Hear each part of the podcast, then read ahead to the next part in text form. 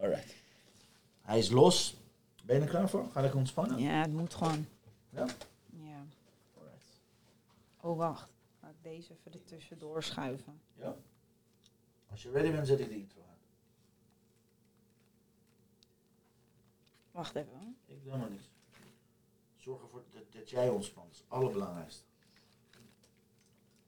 Ja, Ja, bla bla. Oh. Welkom bij de Daily Business Boost live show.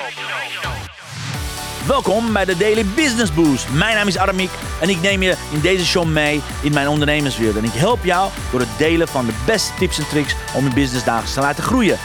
Vandaag is jouw tijd, dus let's get louder.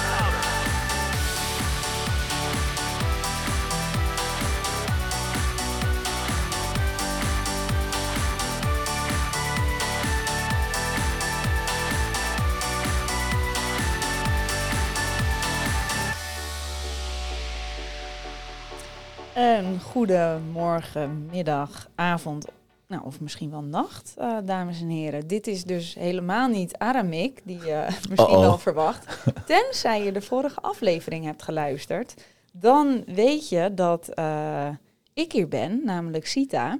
Maar eh, natuurlijk wel in gezelschap van Aramik. Ja, dat moest jongens. Ik mocht niks anders doen. Nee, hij moest, hij moest wel bij me blijven. want Ik heb haar handen nu vast.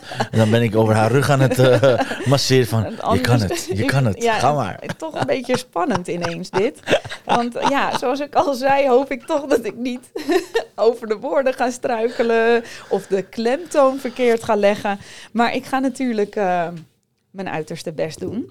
You're doing a great job. En zij, ze, ze maakte zich zo druk over haar intro. Je hebt prachtige intro gedaan. goede dus, eh, intro, hè? Gewoon lekker, lekker je ding doen. En volgens mij gaan we met z'n allen genieten van jou. Gewoon lekker doen. Nou ja, de vorige keer zijn we natuurlijk geëindigd bij eh, ja, dat de jongen zei: Ik heet Bo. Of hij zei het natuurlijk niet. Hij had het opgeschreven. Precies. Oh nee, hij zei het wel, maar Tegen niet, zichzelf niet in de tegen spiegel. iemand. Ja, tegen zichzelf in de spiegel. Ik heet Bo. En daar gaan we verder op bladzijde 53. Ze hadden een vioolleraar voor me gevonden en ik zou na de kerst naar Parijs gaan om voor hem te spelen. Ik wist niet wat ik spannender vond. Spelen voor een echte violist of met Evelien naar de stad gaan. Parijs, zei ik geluidloos onder de dekens. Evelien had de meisjes opdracht gegeven me een dikkere wollen deken te geven.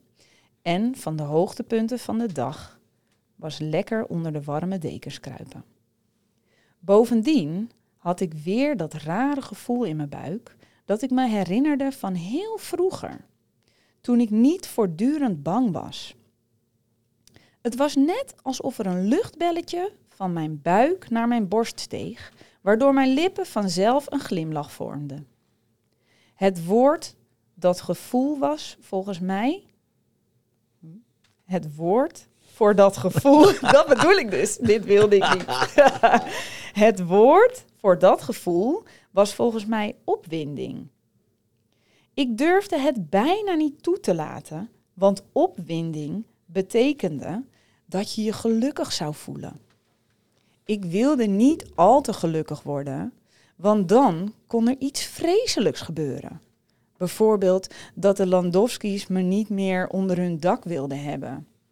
En dan was het nog erger dan vroeger om straatarm, half dood van de honger en alleen te zijn. De viool had me gered, had me nog intrigerender gemaakt. Zoals mons- monsieur Landowski de volgende dag in het atelier tegen Laurent had gezegd. Dat woord moest ik opzoeken. Als ik bij hen wilde blijven, moest ik me dus zo intrigerend mogelijk blijven gedragen. Maar ik moest ook nuttig bezig blijven, want alles bij elkaar, wat alles bij elkaar erg vermoeiend was. Daar kwam bij dat iedereen al volop bezig was met de plannen voor de kerst, met een hoop stiekem gefluister over cadeaus. Daar maakte ik me zorgen over. Want ik had natuurlijk geen geld om wat dan ook voor wie dan ook te kopen. Bovendien was ik doodsbenauwd dat die aardige familie mij wel cadeaus zou geven. Tijdens een van mijn avontuurlijke bezoekjes aan Evelien had ik haar geraadpleegd. Hoe kom ik aan geld voor cadeaus? Ze keek me aan en ik zag haar nadenken. Ik zou je een klein bedragje kunnen lenen om voor iedereen een cadeautje te kopen, maar ik weet dat je dat zou weigeren. Bovendien vragen de Landowski's zich dan misschien af hoe je aan dat geld komt, als je begrijpt wat ik bedoel, zei ze. En ze rolde met haar ogen. Ze bedoelde waarschijnlijk dat ze me dan van diefstal zouden verdenken. En dat zou me niet bepaald geliefd maken bij de familie. Ze vroeg me om de chocolademelk klaar te maken. Dan zou zij er ondertussen over nadenken. Toen ik de mok bij haar neerzette, zag ik dat ze al iets had bedacht. Je probeert toch de hele dag in het atelier stenen in vormen te hakken? Ik knikte, maar pakte mijn papier en schreef: Maar daar ben ik heel slecht in. Tja, wie zou er nou wel goed in zijn, behalve een genie als monsieur Landowski? Maar je hebt al kunnen oefenen met het maken van vormen. Dus ik zat te denken dat je misschien een makkelijker materiaal als hout kunt gebruiken. En dan kunt kijken of je voor ieder lid van de familie een klein kerstcadeautje kunt maken.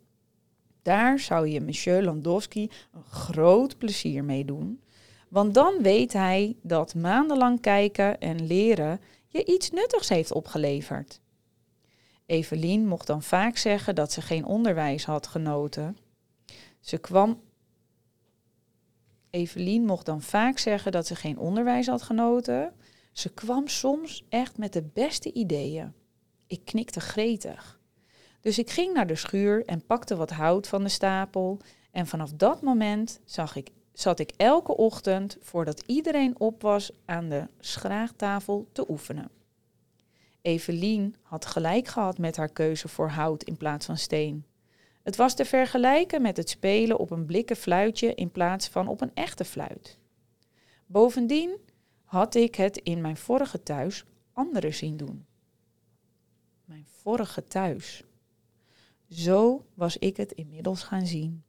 En zo lukte het me om in de drie weken voor kerstmis voor ieder familielid een beeldje te snijden dat ze hopelijk als aardige attentie zouden waarderen. Over het beeldje voor monsieur Landowski deed ik het langst, want voor hem wilde ik een replica van zijn geliefde Christo maken.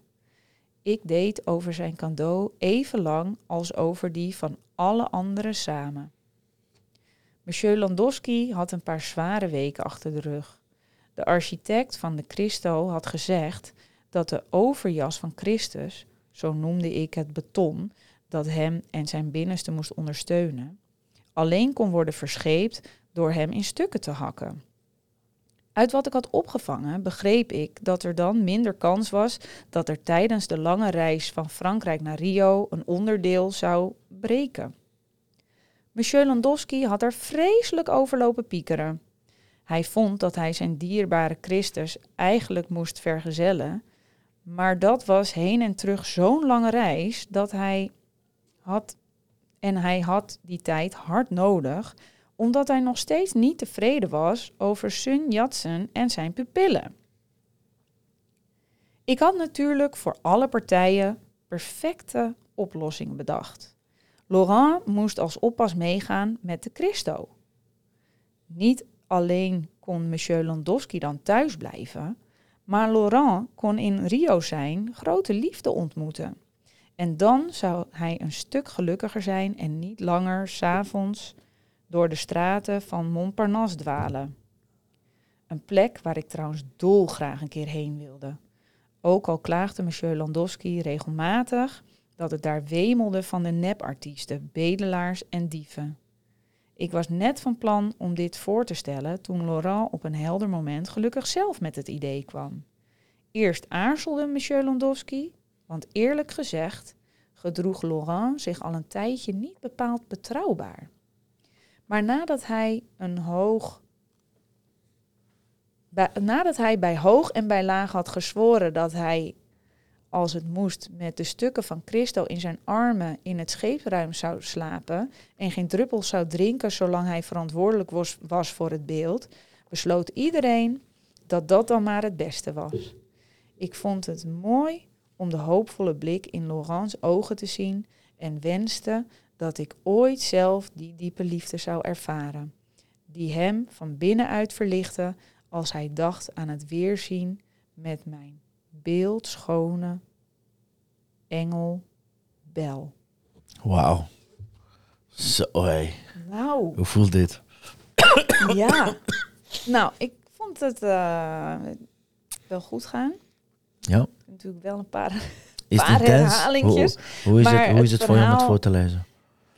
Ja, hoe is het voor mij om het voor te lezen? Want je doet het fantastisch. Ja, maar ik lees wel heel veel. ik lees voor mijn werk dus wel heel vaak voor aan kinderen. Maar het is wel anders dan een volwassen boek, vind Ja? ik. Maar ehm, ja, Vind je het fijn? Is het oké dat je aan het het voorlezen is wel oké. Alright. Al baal ik wel als ik een stukje moet herhalen of ik ben net een zin verkeerd begonnen. Gebeurt mij iedere keer weer. Ehm, Iedere aflevering dus heb ik een stuk of vijf keer gehakkeld. Stiekem heel jammer voor de luisteraars. Maar eh, Hebben I'm, ze lekker I- pech. I'm doing my very best. Dit is gewoon live. We doen het één taker. Ja. Just that you know guys. We, doen niet, eh, we gaan niet snijden, dat soort dingen. Dit is gewoon echt live opgenomen, al die dingen. Want ik wil het zo puur mogelijk Ja, houden. Ja Dus dus gewoon lekker in de sfeer eigenlijk blijven. is het, eh, zijn die foutjes wel goed. Want Ze zijn dan- hartstikke het is leuk. goed dat het Je maakt, eh, ook. je maakt expres die fouten. Ik doe het gewoon expres. Precies, Maakt het gewoon toch even net wat... eh, precies. Lekker. Waar zijn we geëindigd nu? Op pagina We 6? zijn geëindigd op pagina 56. Alright, dan gaan we zo meteen bij de volgende aflevering. Want ik wil het altijd rond ongeveer 10 minuten houden, zodat het makkelijker wordt om voor te lezen. Dan ga je ons eh, weer horen, uh, Sita. Yes. Want ik denk dat je er even een paar gaat voorlezen. zo. Tuurlijk, ik ga nog even, We eh, gaan even lekker door. meedoen. Precies. En, eh, Dan komen ze over een paar rondes weer terug. Dan gaan we die weer bespreken. Nou, je, je ziet het. We, we gaan kijken hoe, hoe het uitpakt. Ik heb geen idee. We, we kijken vanzelf. Deze reis hebben we samen, samen ondernomen. Dus eh, je komt ons vanzelf weer tegen. Zeker weten. Ja, wat is je boodschap aan het? Jij mag het afsluiten. Mijn boodschap voor de luisteraars is: eh, make it a good one. Maakt niet uit voor wat het geldt. Helemaal goed. Topper. Dankjewel voor het luisteren naar mijn live show. Geweldig. Wil je een keertje nou live bij mijn live show aanwezig zijn? Dat kan. Elke dag om 10 uur ben je van harte welkom via LinkedIn Live, Facebook Live of YouTube Live. Je vindt me als je mijn naam intipt in de zoekbalk op LinkedIn, Facebook of YouTube. Ben je nou erg leergierig? Wil je nu je business laten accelereren? Download dan nu helemaal gratis mijn e-book met de allerbeste 100 social selling tips op www.dailybusinessboost.nl. Zoals ik altijd zeg, wij zijn ondernemers. Wij zijn de kracht van de economie. Maak het verschil, iedere dag, ieder uur. En tot de volgende keer. Ja, en hetgene wat je net hoorde, ging geheel toevallig, was mijn mokje. Sorry voor het geluid.